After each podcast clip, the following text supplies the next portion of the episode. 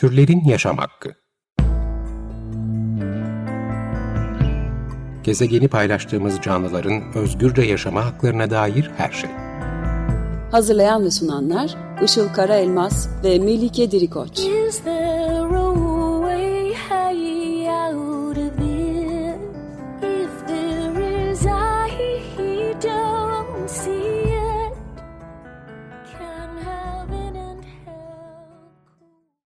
Merhabalar, 95.0 Açık Radyo'da Türlerin Yaşam Hakkı programı başladı. Ben Işıl Karaelmaz.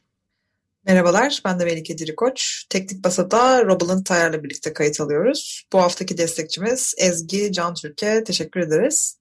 E, bugünkü konuğumuz uzman diyetisyen Müberra Çil. Kendisiyle bitkisel beslenmeye dair en sık duyduğumuz soruları ve bu konuda e, hakkında e, aslında söylenen mitleri konuşacağız birazdan. Bitkisel beslenmenin yetersiz olduğu konusunda maalesef yaratılan bir algı var. Bununla beraber genel olarak da beslenme konusunda epeyce fazla e, yanlış bilinen şey var. E, bugün hepsinin üzerinden kısa kısa e, da olsa geçmeye çalışacağız. Öncelikle Müberra hoş geldin. Hoş buldum, merhabalar. Hoş geldin. E, öncelikle sormak istiyorum. E, bu programda zaten konuklarımıza soruyoruz. E, sen nasıl vegan oldun? E, nasıl karar verdin? Yani e, şöyle bundan 7-8 yıl kadar önce ilk lisans hayatıma e, başladığımda tanışmıştım veganlık kelimesiyle ama beslenme kitaplarında hani veganlığın sürdürülebilir olmadığı ya da hani veganlığın bir trend olduğu gibi e, ibareler vardı. Aslında gerçek anlamda veganlık ve etik kavramlarıyla tanışmam vegan aktivizm sayesinde oldu. Bir aktivist e, sayfasıyla karşılaştım ve hani bu defa veganlığın yanında işte hayvan hakları, etik gibi e, kavramlar gördüm ve hani birkaç video, belgesel, birkaç yazı yetti aslında e, veganlıkla tanışmama. Çünkü şunu söyledim kendime, ben bir beslenme uzmanıyım ve hayvansal gıdalar olmadan hayatımı devam ettirebileceğimi biliyorum. O zaman neden tabağımda bunlar var? Bu çelişkiyi sorguladım ve o günden beri veganım. Evet, bir beslenme uzmanı olarak sana burada sormak istediğimiz bazı çok temel sorular var bitkisel beslenme ile ilgili. Ee, arka arkaya onları soracağız. Şimdi tabii ki de en çok sorulan, en çok merak edilen şeyden başlıyorum. Ee, protein. Veganlar proteini nereden alırlar? Ee, ama bu da buna tabii e, cevap verirken ben şeyi de özellikle anlatabilir misin? Bu amino asit meselesini. Çünkü işte bazı amino asitler bir taneydi galiba sadece hayvansallarda var diye bir argüman dolaşıyor. Bu doğru mu? Şimdi şöyle, öncelikle hani protein denince akla sadece hayvansal gıdaların gelmesinin sebebi arkasında çok güçlü bir e, işte hayvansal e, gıda sektörünün olması. Çünkü yani biz biliyoruz ki en sağlıklı besinler sebze ve meyveler. Ama kimse çıkıp da işte günde 5 ee, porsiyon taze sebze meyve yemelisiniz demiyor. Herkes ne diyor? İşte her gün iki bardak süt içmelisiniz. Yani miktarını bile söylüyorlar. İşte büyümek için, hastalanmamak için et yemelisiniz gibi ee, işte kalıplaşmış cümleler dolaşıyor ve işte uzun yıllardır insanların algıları değiştirilmeye çalışıyor, çalışılıyor. Ancak gerçek şu ki hani hayvanlar da proteinlerini bitkilerden sağlıyorlar. Besin piramidin en altında bitkiler bulunuyor. Ve asıl olarak yani fotosentezle üretiyorlar proteinleri, amino asitleri daha doğrusu. Hani burada e, amino asit konusuna da girecek olursak amino asitler proteinlerin yapı taşları. Proteinlerin sentezlenmesi için amino asitlere ihtiyaç var. Ve hani biz zaten besin sentezleyemiyoruz, tüketici canlılarız. Ancak bazı hani besin öğeleri birbirine dönüştürebiliyoruz. Mesela ben protein yiyorum, onu parçalıyorum. Sonra o amino asitleri tekrar kullanıp dönüştürebiliyorum. Ama 8 tane amino asit var ki bunları dönüştüremiyorum yani insan türü olarak ve bunları dışarıdan almak zorundayım. Düzenli olarak dışarıdan almadığımda da vücutta eksiklik olabiliyor ama yani şöyle bir durum var. Bütün bitkilerde bu amino asitler bulunuyor. Hiçbir şekilde eksik değil. Sadece örneğin hayvansal bir gıdada bu amino asitler iyi bir örüntüye sahipken bitkisel besinlerde şöyle bazılarında bazı amino asitler yüksek bazılarında bazı amino asitler düşük olabiliyor. Örneğin tahıllarda lizin dediğimiz amino asit eksik. Ama ben onun yanında işte meyve yediğimde ya da başka işte kuru baklagil yediğimde bu açığı tamamlayabiliyorum. Bu anlamda zaten hani hayvanlar da bitkileri tüketerek bu e, hani dokularında et dokusunda bu iyi örüntüyü sağlayabiliyorlar. E, durum bu şekilde. Yani kaynaklar şunu söylüyor. Hani 48 saat içerisinde çeşitli bitkisel gıdaları tükettiğinizde hani bu yeterli oluyor. Bu çeşitli amino asitleri almak için. Ki biz yani gün içerisinde hele ki 48 saat içerisinde onlarca yüzlerce farklı besin tüketiyoruz. Yani bu ancak tek besine dayalı e, beslenme modellerinde bir problem olabilir ama böyle bir beslenme modeli de yok zaten. Sadece patates yiyen, sadece elma yiyen, e, yenilen bir beslenme modeli yok. O yüzden yani hiçbir şekilde problem olmamalı bu e, protein ve amino asit konusu. Evet kesinlikle öyle. Hatta bunun için e, merak edenler varsa bir uygulama var. E, ben de merak edip böyle girip bakmıştım. Yediklerimi girip chronometer.com diye bir web sitesi uygulaması da var galiba telefonda sanırım. Ee, ve en kolay dolan şey proteinler olmuştu aslında. Senin de dediğin gibi sadece işte bir öğünde patates kızartması yedim ve protein alamadım gibi bir şey zaten yetersiz beslenmeye giriyor. Ee, ama baklagil tahıl karışımları zaten bütün o proteinlerin e, alınabildiği bir kombinasyon. Bizim e, mutfağımızda da bolca var bunlardan işte nohut pilav gibi ya da e, başka türlü kombinasyonlar. Peki bir protein e, kadar belki en az olan başka bir meseleden B12 meselesinden biraz da bahsetmek istiyorum. Bu da e, böyle çok moda e, e, nedense bitkisel besleniyorum deyince ortaya çıkan bir şey. E, halbuki araştırmalar gösteriyor ki e, B12 eksikliği sadece bitkisel beslenenleri e, ilgilendirmiyor. Bu aslında modern dünyada e, kobalttan e, fakir toprak e, ve suların olduğu e, son derece hijyenik dünyada aslında e, maalesef meydana gelen bir durum. E, bu algıyla alakalı ne söylemek istersin? B12 hayvanlardan alınması gereken bir şey Şimdi e, trajikomik mi desem? Yani çünkü B12 ne işte hayvanlar sentezleyebiliyor ne de bitkiler sentezleyebiliyor B12. B12 mikroorganizmalar sentezleniyor. Bakteri gibi, küf gibi. Bu toprak e, bakterileri olabilir. Ve e, yani biz özellikle topraktan aldığımız bitkileri çok iyi şekilde yıkadığımız hatta şu devirde sirkeli sularda beklettiğimiz için hani o bakterilerin ürettiği B12'den faydalanamıyoruz. Ama şöyle bir durum var. Canlıların vücutlarında sindirim sistemlerinde bakteriler yaşıyor. Hani flora diyoruz, mikrofloralarında bu bakteriler yaşıyorlar ve oradaki bakteriler B12 üretebiliyor. Hani bu şekilde de B12'den yararlanabiliyoruz. Ancak işte inek, e, koyun gibi hani işkembeli hayvanlar daha hani işkembeleri sindirim sisteminin daha üstlerinde olduğu için o sindirim sistemlerinde üretilen bakterilerin ürettiği B12'den faydalanabiliyorlar ve dokularına B12 alabiliyorlar. Ama insan türü olarak bizde bu bakteriler kalın bağırsaklarımızda bulunuyor ve biz direkt olarak üretilen bakteriyi aslında emilmeden dışarı atıyoruz. O yüzden hani e, B12'yi nereden alacağız gibi bir soru işareti oluşuyor. Ama hani B12'nin kaynağı hayvanlar olmamalı. Hani çünkü bu biraz hani kulağı tersten tutmak gibi oluyor. Mikroorganizmalar üretiyor, hayvanlar ondan yararlanıyor. Biz hayvanlardan yararlanıyoruz. Ee, ne yapabiliriz? Yani direkt olarak mikroorganizmanın ürettiği takviyeleri kullanabiliriz. Ya da hani şu an çalışmalar gösteriyor ki e, bitkisel besinlerin e, hani insanların da bağırsak floralarında B12 sentezine yardımcı olduğunu söylüyor. Çünkü e, hani bitkisel beslenmeyle yani çok böyle sağlıklı bir mikrofloraya sahip oluyoruz. Daha doğrusu hani yararlı bakteriler de var vücudumuzda, zararlı bakteriler de var.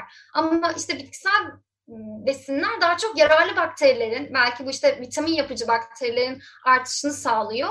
Hayvansal besinler ise daha çok patojen, işte kanserojen bakterilerin artışını sağlıyor. O yüzden bitki, hani bitki temelli beslenmede hani floramızı da sağlıklı hale getirerek bir miktar da olsa vücutta bakterilerin ürettiği B12'den yararlanabiliriz. En ihtimalle takviye alabiliriz ama hani şöyle bir durum yok. İnsanlarda bu algı var. Ben buna çok biliyorum. Hani bugün B12 yemediğimde ertesi gün ölmüyorum ya da ertesi gün eksiklik yaşamıyorum. Bu arada normalde B grubu vitaminler e, vücutta depolanmazlar. Hani o gün ne kadar alırsan al atılırlar. Ama B12 bir istisna. Hani ben bunu da yani nasıl diyeyim hmm, böyle hani vegan beslenmenin e, sağlıksız olmadığına karşı bir e, madde olarak söylüyorum. Çünkü B12 vücutta depolanabilen tek B grubu vitamini karaciğerde depolanabiliyor ve bu depolar bize 4-5 yıl boyunca yetebiliyor. Dediğim gibi hani bir gün B12 tükettiğimizde ertesi gün eksikliğini yaşamıyoruz. Evet dediğin gibi o zaman e, takviyeyle e, aslında bunu bunu aldığımızda zaten sorunu çözmüş oluyoruz yani. E, bir de sanırım şey var çünkü e, zaten hayvanlara da e, artık hiçbir şekilde doğal beslenmedikleri için onlar da e, onlara da endüstriyel hayvancılıkta bildiğim kadarıyla B12 vitamini zaten enjekte ediliyor. Yani onlar da takviye olarak alıyorlar doğal bir şekilde. Ve yemlere de konuluyor. Aynen babamdan biliyorum. Yem üretimi yapan biri olarak. Evet. E, hani bu birçok beslenme modelinde olabilir. Yani birçok çeşitli işte diyet modelleri var, beslenme modelleri var. işte vejetaryenlik gibi işte ya da çok çeşitli. Hani bu bütün beslenme modelleri için bir eksiklik olabilir. Her birey çok çeşitli vitamin, mineral eksikliği yaşayabiliyor. Ne oluyor? Yani doktora gidiyoruz, tahlillerimize bakılıyor ve buna göre hani doktorlar besin önermiyorlar. Vücutta bir eksiklik varsa, hastalık boyutundaysa zaten takviye öneriliyor. O yüzden hani bunu bu B12 eksikliğini vegan beslenme modeline ile bağdaştırmak yanlış. Her, her beslenme modelinde olabilir. Ya bu çünkü yetersiz beslenme. Ee, bu bireyin tamamen yeterli ve dengeli beslenmesiyle de alakalı aslında. Ya da sağlığına ne kadar dikkat ettiğiyle, sağlığını ne kadar önemsediğiyle alakalı. Hı hı. Evet, e, peki bir de omega 3 konusu var. Onu da onu da soralım e, sana. Çünkü böyle bir algı var. Sadece balıktan alınabilir omega 3 gibi. E, omega 3 birincisi çok şart mı? Yani çok almak zorunda olduğumuz bir şey bize lazım bir şey mi? İkincisi bitkisel olarak nereden alınabilir? Şöyle hani omega 3'lerdeki durum amino asitlerdeki gibi birçok yağ asiti var ama bazı omega 3 yağ asiti türlerini vücutta sentezleyemiyoruz. Düzenli olarak dışarıdan almak zorundayız. Aslında hani B, şey omega 3 sadece hani balıklarda bulunan e, bir yağ asiti değil, deniz ürünlerinde bulunuyor. E, mesela deniz sebzelerinde de bulunabilir. Ama hani biz Türk toplumu olarak işte sürekli yosun tüketmediğimiz için bizim aklımıza balık geliyor. Ancak hani diğer toplumlarda belki sıklıkla deniz sebzeleri tüketiyorlarsa balık kaynak olarak gösterilmeyebilir. En ihtimalle bu omega 3 tür e, omega 3 yağ asitlerin çeşitleri var. Dokuzohexanoik asit, eikosapantotenoik asit ya da bir çeşidi daha var. Alfa linoleik asit. Ben bunlara kısaca ALA, EPA ve DHA diyeceğim sürekli telaffuz etmemek için. Bu EPA ve DHA evet deniz ürünlerinde bulunuyor. Ancak diğer form, ALA formu e, normal günlük beslenme, beslenmemize yediğimiz yemişlerde, tohumlarda bulunabiliyor ve bu ALA formu diğer formlara dönüşebiliyor vücutta. O yüzden hani vücut günlük al, e, alacağımız o alfa-linoleik asit miktarını arttırdığımızda diğer formlara dönüşümünü sağlayabiliriz. Yani gereksinimizi karşılayabiliriz. E, bu formda ya çok basit. Mesela ceviz de çok yüksek miktarda bulunuyor. Günlük e, birkaç porsiyon ceviz eklediğimizde beslenmemize bu ihtiyacımızı karşılayabiliyoruz. Ya da bunun yanında e, keten tohumu iyi bir kaynak. Ya da hani diğer işte kuru baklagillerde hatta sebze ve meyvelerde bile az miktarlarda bulunabiliyor. E, burada hep e, yolun sonu çeşitli beslenmeye çıkıyor. Ne kadar çok çeşitli beslenirsek bu besin öğesi ihtiyaçlarımızı, gereksinimlerimizi o kadar iyi karşılayabiliriz aslında. Evet, bence de e, çeşitli beslenme çok e, önemli. E, bu kronometre uygulamasında da bunu fark ettim. Yani ne kadar çok çeşit koyarsam oraya o kadar böyle oradaki besin öğeleri tamamlanıyor. Bir diğer hani sorulanlardan biri de kalsiyum. Aslında her hayvanın, her memeli hayvanın kendi yavrusu için salgıladığı bir sıvı var ve tamamen o türe özgü bir şey bu ama işte nedense başka bir türün sütünden kalsiyum alabileceğimizi düşünüyoruz. Bu biraz da bana hani kolada da potasyum var o zaman e, en iyi potasyum kaynağı kola mıdır diye e, aslında sormamızı da e, gerektiren sorulardan biri diyebiliyorum. E, üstüne üstlük e, belki yani çok şaşırtıcı olan da bir şey. E, bir takım senin e, birazdan bizle paylaşacağın nedenlerden ötürü e, kalsiyum aldığımızı zannediyoruz ama hayvansal e, kalsiyum e, kemiklerimizin erimesine neden oluyor. Tam tersi şekilde. E, bunu biraz açabilir misin? Ve bununla beraber bitkisel beslenmede direkt olarak kalsiyumun aslında hayvanların aldığı e, şekilde hangi bitkilerden alabiliriz? Şimdi mesela protein ve omega 3 için e, hani elzem olanları var dedik. B12 hani bitkilerde de hayvanlarda da yok dedik. Ama kalsiyum için hiç böyle bir durum söz konusu değil hani elinize alacağınız her bitkisel besin içerisinde kalsiyum bulunuyor. Bütün bitkiler bizim için bir kalsiyum kaynağı. Ama yine yani ben burada yine bu işte hayvan hayvan sektörünün e, işte bu reklamların etkisi olduğunu düşünüyorum. Hani bir süt reklamı yanına da hemen işte bir e, işte kaslarını gösteren bir çocuk ya da bir kemik e, animasyonu.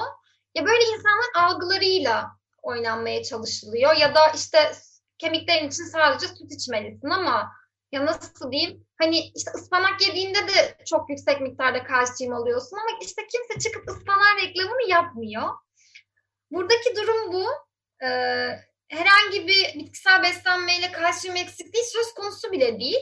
Ayrıca senin de bahsettiğin gibi hatta iki tane e, olumsuz durum var. Hayvansal beslenme ve kalsiyumla ilişkili. Birincisi hani bitkisel besinler daha çok alkalidir. Hani vücutta o pH'ı dengeye getiren olması gereken.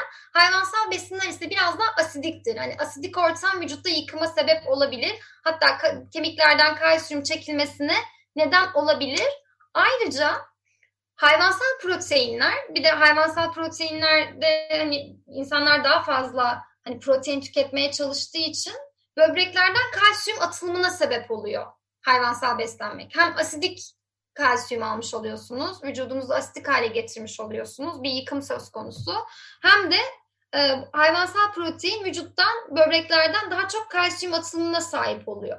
O yüzden yani bitkisel beslenmekte bu, bu anlamda hani kalsiyum bence soru olarak bile gelmemeli. Gayet yeterli şekilde tüm bitkilerden bunu karşılayabiliyoruz ve e, bitkisel proteinde vücut bitkisel proteinle birlikte vücutta kalsiyum tutulumunu sağlayabiliyoruz. Ve Hani şöyle söyleyeyim, hayvansal gıdalar biraz sınırlıdır. Atıyorum ette protein vardır, atıyorum hiç C vitamini yoktur ya da işte potasyum yoktur. Ama işte sebze ve meyve bitkilerden ihtiyaçlarımızı karşılamaya başladığımızda hani kalsiyum mesela işte bir maydanozla kalsiyumla birlikte işte e, K vitamini de alırız. Mesela bu da kemik sağlığımız için gerekli. Ya da işte C vitamini alırız. Bu anlamda daha avantajlı duruma geliyoruz. Evet, demiri ve e, diğer besin öğelerini de düşününce şöyle e, toparlayıcı bir soru e, sorabilirim sanırım. Bitkisel kaynaklardan yeterli dozda alınamayacak herhangi bir şey var mı? Hı hı. Ee, şöyle, ya özellikle demirde yine kalsiyum gibi hani tüm hani bitkisel besinlerde yüksek miktarda bulunuyor. Sadece şöyle bir durum söz konusu. Ee, demiri işte hayvanlar da bitkilerden tüketiyor. Vücutlarına aldıklarında hani kanda indirgenmiş formda oluyor ve bu form hani e, hem form diyoruz buna. Bitkilerde bulunana hem olmayan form diyoruz. İşte bu hayvansal gıdalardaki daha yüksek şekilde emilebiliyor. Örneğin işte hayvansal gıdalardaki demir yüzde seksen oranında emilirken hani bitkisel besinlerdeki yüzde on, yüzde yirmi oranında emiliyor. Ancak burada da şunu yapabiliriz. Ee, hani bitkisel besinlerdeki demirin emilimini nasıl arttırabiliriz? Ee, bununla ilgili yani çok basit yöntemler var. Örneğin e, hani bitkisel besinlerin yanında mesela Kuru baklagiller iyi bir demir kaynağı, bitkisel demir kaynağı. Siz kuru baklagillerin yanında bir C vitamini tükettiğinizde, örneğin limonlu bir salata tükettiğinizde ya da mercimek çorbanıza limon sıktığınızda o bitkisel besindeki demirin de emilimini arttırmış oluyorsunuz. Bu anlamda e, gayet iyi şekilde demirden de yararlanabiliyoruz. Ya da hani demirin emilimini engelleyecek maddeler olabiliyor. Örneğin kafein gibi ya da diğer e, kafeinli besinlerde bulunan bazı maddeler var. E, bunların demir emilimini engellemesini önlemek için örneğin hani çay kahve gibi besinleri yemeklerden bir saat sonraya bırakabiliriz. E, bu şekilde de o demir emilimini arttırmış ol- oluyoruz ve hani herhangi bir eksiklik söz konusu olmuyor. Şöyle söyleyeyim, bütün besin öğeleri için evet hepsi hani işte B12 dışında hepsi bitkilerde e, gereksinimizi karşılayacak şekilde bulunabiliyor ve vücutta şöyle bir adaptasyon var. Vücutta herhangi bir besin öğesinin e, besin öğesi eksikliği olmaya başladığında vücut bunun emilimini arttırıyor. Örneğin hani bahsettiğim gibi normalde demir %10 emiliyorsa eksiklik olmaya başladığında vücut adaptasyon geliştiriyor ve daha çok bağırsaklardan emilim sağlıyor. Bu anlamda hemen eksiklik yaşamıyoruz ve hani depolarımız boşalmıyor. Vücudun böyle bir savunma mekanizması mevcut. Evet bir yandan da aslında e, bu kadar fazla demir almamız gerekiyor mu? Özellikle hayvansal demir. E, bunun da gerçekten zararlı, zararlarıyla alakalı da hani ayrı bir program e, da, da konuşulabilir. E, dileyenler bunları da araştırabilirler. E, peki sana şey sormak istiyorum. E, diyelim ki bitkisel beslenmeye geçeceğiz artık. Nelere dikkat etmeliyiz? E, maalesef yemek paletimiz e, hayvansal beslenmede çok ezberci ve hazırcı olduğu için bu geçişi e, kolaylaştıracak ne gibi öneriler olabilir sence? Aslında hep şunu duyuyorum. Hani bitkisel beslenmeye geçtiğimizde hani aslında daha çok seçeneğimiz olduğunu fark ediyoruz. Gerçekten de öyle. Yani çok çeşitli besin gruplarımız var. Çok çeşitli ya bir kere çok çeşitli meyveler var, sebzeler var. Hani e, burada tek öncelik olarak daha doğrusu dikkat etmemiz gereken nokta çeşitli beslenmek. Hani tabağımızı her zaman en az 3'e 4'e bölelim. İşte bir kısmında işte sebze grubu, bir kısmında işte tahıl grubu, bir kısmında kuru baklagil grubu. Her öğünde buna dikkat edebiliriz. Mesela ara öğünlerde bir meyve bulundururken onun yanına bir kuru yemiş bulundurabiliriz. Renkli beslenebiliriz. Her renkten gün içinde çünkü her e, sadece hani vitamin mineraller de değil. Bunlar dışında da çok elzem besin öğeleri var, antioksidanlar var. Bunun için çeşitli renkli beslenebiliriz.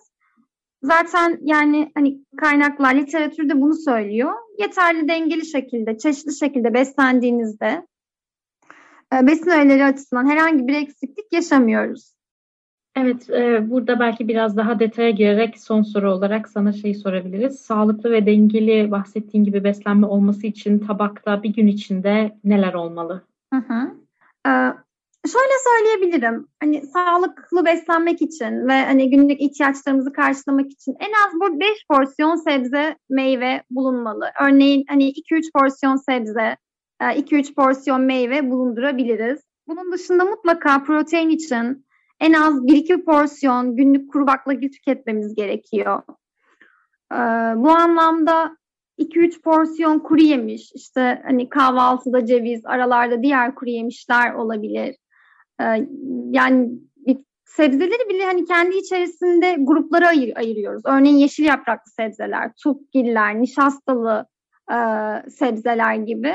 Hani bu besin gruplarının her birinden yer vermeye özen göstermek gerekiyor. Örneğin yeşil yaprak sebzelerden günlük tüketmek gerekiyor. Turplardan tüketmek gerekiyor.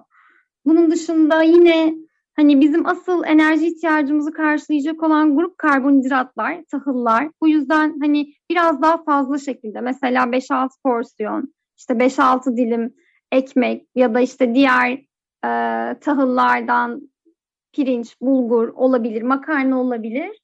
Bu şekilde besin gruplarının her birinden günlük beslenmemizde yer vermemiz önemli. Yeterli ve dengeli beslenmek adına. Evet, teşekkür ederiz bu tavsiyelerin içinde. Programın sonuna geldik bugün için. Bugün e, 95.0 Açık Radyo'da türlerin yaşam hakkında konuğumuz uzman diyetisyen Müberra Çil'di. Müberra Çil'le bitkisel beslenmeye dair en sık duyduğumuz soruları e, konuştuk cevaplarını aldık. Müberra çok teşekkür ederiz katıldığın için.